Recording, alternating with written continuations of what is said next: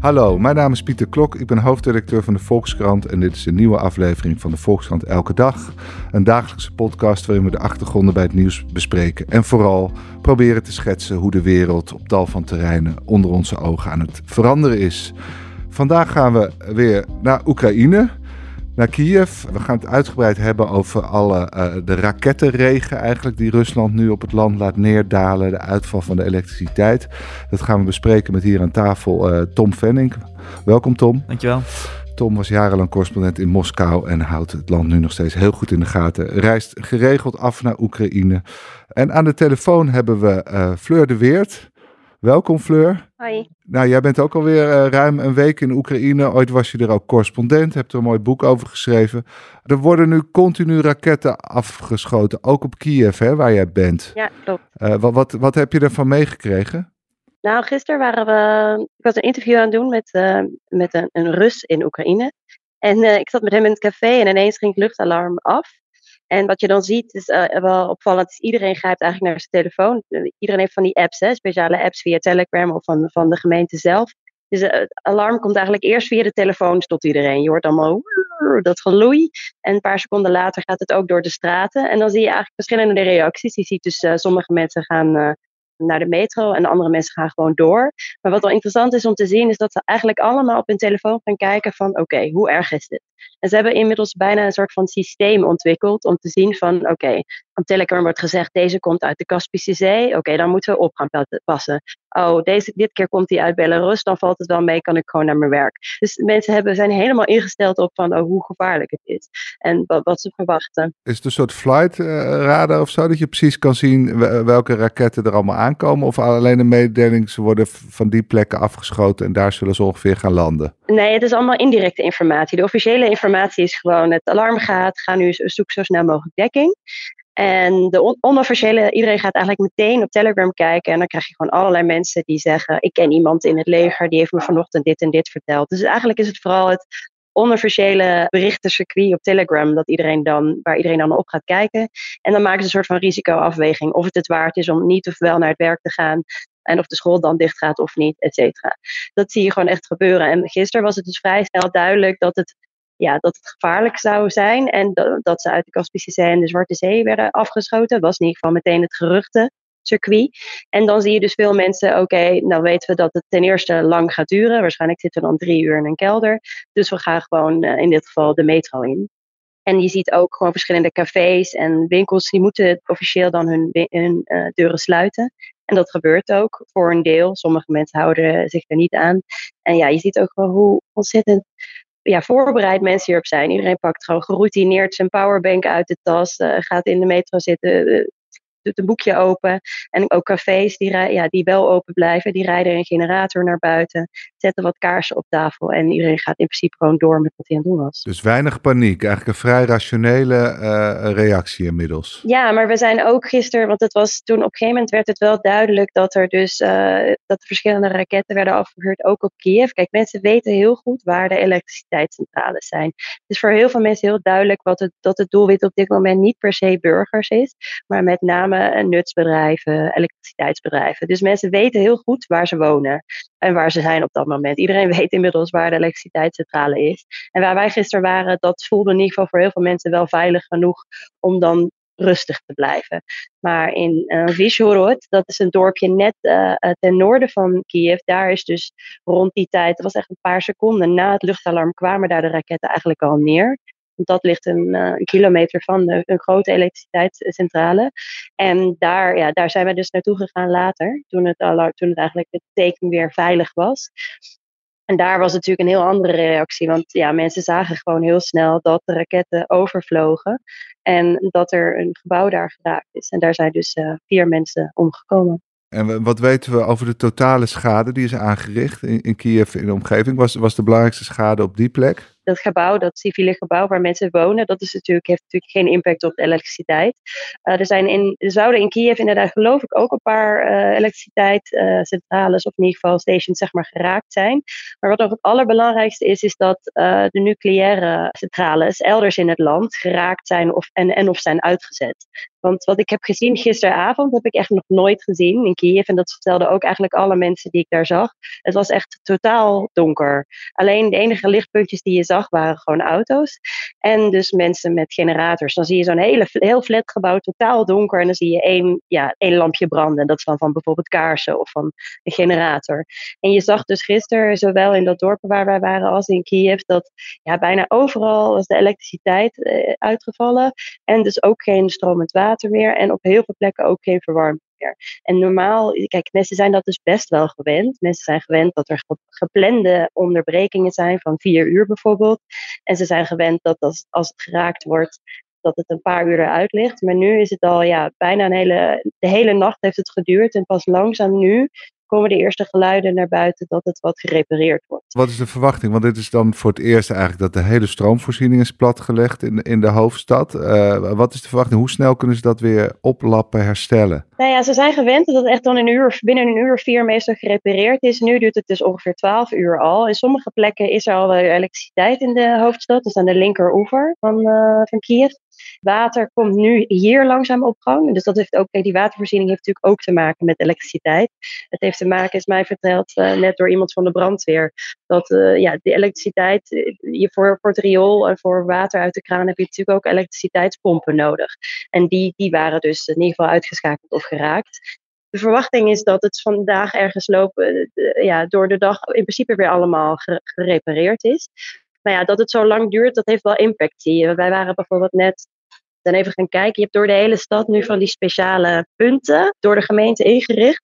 Ze noemen het eigenlijk een soort van overlevings, weerstandspunten. Dus een soort van best wel positieve, trotse term van kijk, wij, wij, zijn, wij, wij zijn weerbaar, weerbare punten. Waar je, ja, je elektriciteit kunt opladen en water kunt halen en op kunt warmen, eventueel. Dus dat was hier in de buurt, in Livki zijn we nu in de buurt in Kiev. En daar het een uh, oude brandweercentrale.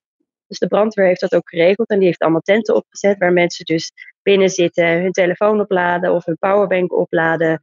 Een paar kinderen zitten te spelen om warm te worden omdat de verwarming in hun flat uh, niet meer doet.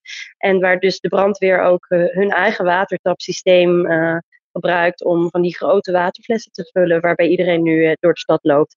En dat is dus niet per se drinkwater, maar vooral eigenlijk om de wc door te spoelen. Maar je ziet dus dat er een grote toeloop is op dat soort punten. Ja, je zag gisteravond uh, de eerste mensen daar al naartoe. Je zag gisteravond al een soort van rijen ook staan bij bepaalde publieke fonteinen in de stad omdat mensen toch gewoon water willen hebben om de wc door te spoelen. Nou, simpelweg natuurlijk omdat het anders gewoon gaat stinken. En omdat je je thee wil koken, et cetera. Dus van dat soort basisdingen ze zeggen wel allemaal, we zijn erop ingericht, we hebben allemaal heel veel powerbanks, we hebben warme dekens, we weten waar we aan toe zijn. Maar wat ik vanochtend wel hoorde, is bijvoorbeeld een probleem is, wat een probleem aan het worden is voor bijvoorbeeld ouderen in de stad, is dat de lift het ook niet doen. En als jij op de 18e verdieping woont en je bent 70, is dat natuurlijk wel een probleem. En iets anders wat ik ook veel hoor nu is dat de koelkast en de vriezer nu al een tijdje uitgevallen is. Ja, natuurlijk ontdooit dan wel het vlees in de vriezer. En dat, nee, dat, dat zorgt wel voor wat uh, problemen. En in het een dorpje waar je was, waar, waar, eh, de vier doden uh, vielen, was dat dan een afzwaaier van een Russische raket? Het is nog niet helemaal duidelijk. Uh, dat is waarschijnlijk wel zo, want het ligt echt op de route. Het dorp is ook al meerdere keren geraakt. Dus dat is wel in ieder geval wat de bewoners daar zeggen. Officieel is dat nog niet helemaal duidelijk. Ja, want ze probeerden dus die elektriciteitscentrale daar in eh, de buurt waarschijnlijk te treffen. Ja, dat is wel wat iedereen hier denkt. Het is gewoon heel duidelijk dat dit een manier is op, op dit moment om de, Oekraïners te raken door elektriciteit, nutsvoorzieningen, warmte. Het is natuurlijk een eh, ja, hele, uiteindelijk, mensen zijn er heel, heel stoer over dat, dat ze echt niet weggaan, et cetera. Maar het kan hier in de winter min 20 worden. En dan vraag ik me toch echt wel af of, er, of, of mensen dan alsnog gaan blijven als ze echt geen verwarming meer hebben en gisteren Tom, jij was er drie weken geleden in Oekraïne. Verschilt dit beeld veel van wat jij toen hebt gezien? Uh, op veel punten niet. Ik heb ook donker Kiev gezien. Ik heb ook uh, stoplichten gezien die het niet meer doen. Mensen die in de rij staan voor water. Vooral in het zuiden van het land. Uh, maar het, het grote verschil met, met nu is dat de winter is begonnen. Het heeft gesneeuwd. Uh, in het noorden van het land uh, vriest het. En toen ik er was, was het nog plus 10. En dat, dat is echt een heel groot verschil. Want kou is denk ik het grootste gevaar voor de Oekraïnse bevolking uh, deze winter. En het begint nu koud te worden. Fleur zei het al, het kan min 20 worden.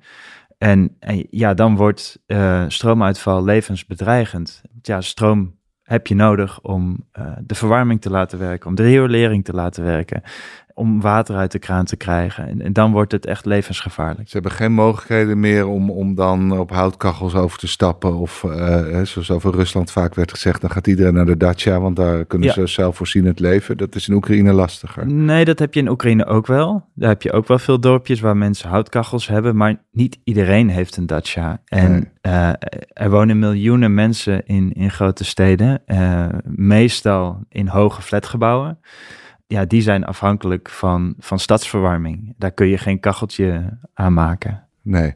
En hoe verklaar je nou, er worden dus zware aanslagen gepleegd op elektriciteitscentrales, maar elke keer weten ze toch weer vrij snel te herstellen. Hoe, hoe werkt dat? Ja, ja, dat is bijzonder. Ik begrijp dat nog niet helemaal precies hoe dat werkt. Uh, we weten dat Oekraïne heel veel reparateurs in dienst uh, heeft. Die zijn allemaal aan het werk. En let wel, die zijn dus aan het werk op plekken waarvan ze weten dat de doelwitten zijn.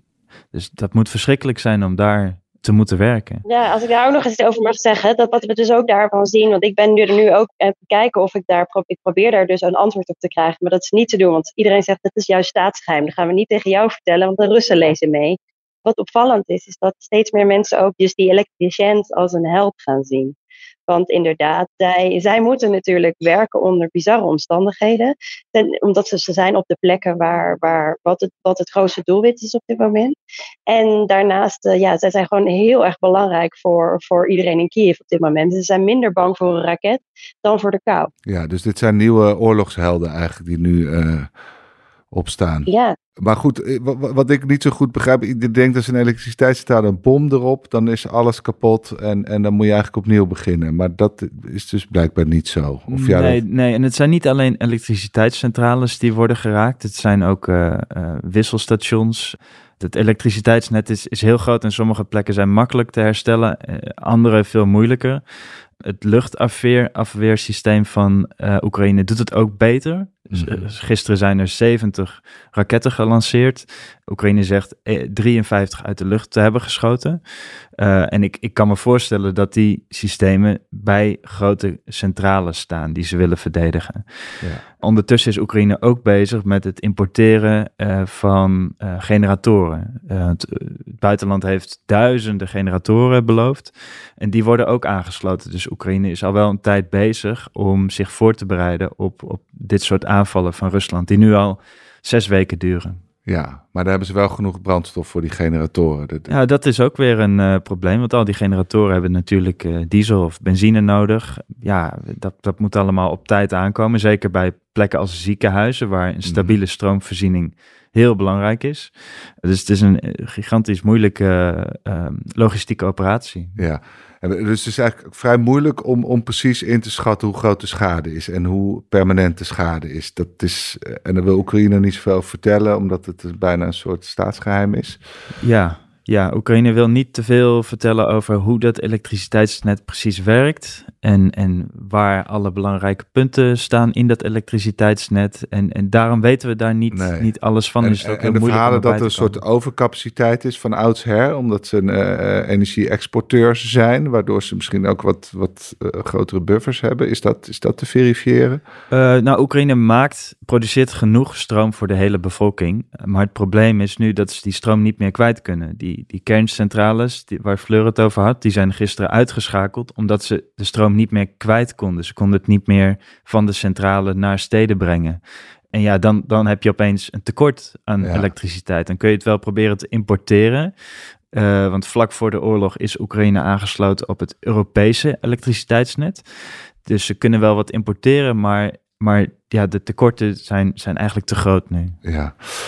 Weten we al iets, wat, wat zijn de meest schrijnende situaties? Zijn er al ziekenhuizen die zonder stroom zitten? Of, of...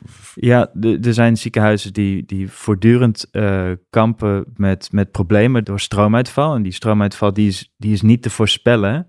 Uh, de meeste grote ziekenhuizen hebben wel noodaggregaten. Maar nu valt ook opeens het water uit. En je hebt ook water nodig in een ziekenhuis. En, Mhm. en daar is eigenlijk niet over nagedacht. Eh, dus dat is ook een probleem aan het worden. Ja, Tom, jij schreef ook over de ramp bij Altchevsk, als ik het goed Ja. uitspreek. Eh, daar is ooit de stroom ook uitgevallen, eh, bij min 30.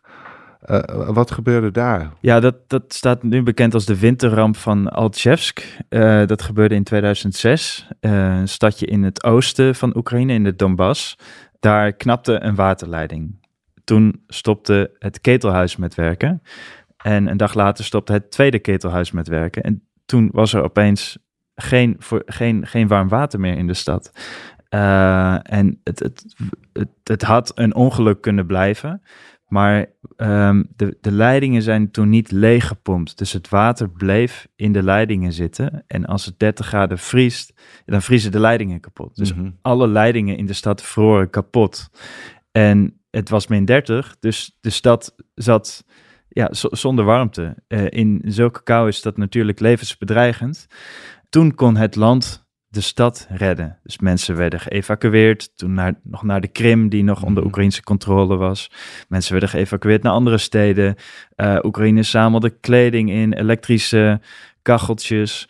Maar stel dat het nu gebeurt, dan gebeurt het niet op één plek, maar dan gebeurt het in het hele land. En wie gaat er dan helpen? Ja. Dus dat is echt het, het, het doemscenario voor Oekraïne. Maar verwacht je dan dat iedereen op de vlucht slaat? Nou, dat zou best kunnen. Oekraïne zegt dat daar geen reden voor is, maar de Wereldgezondheidsorganisatie houdt al rekening met eh, een vluchtelingenstroom van eh 3 miljoen mensen, Ja. die toch op zoek zullen gaan naar, naar warmte. Want als het koud wordt, dan kun je niet thuis blijven. Nee. Nee. Maar, maar de hoop is natuurlijk dat door beter luchtafweer geschud en door die elektriciëns die het de hele tijd heel snel weer repareren en misschien ook de Russische rakettenvoorraad die langzaam opraakt, dat, dat, dat ze het misschien net kunnen redden? Of Ja, we weten niet hoeveel raketten Rusland nog over heeft. Ze blijven maar doorgaan. Nu al zes Ja. weken, dus misschien hebben ze, hebben ze nog een grote voorraad. Da- Daar, daar weten we eigenlijk te weinig van.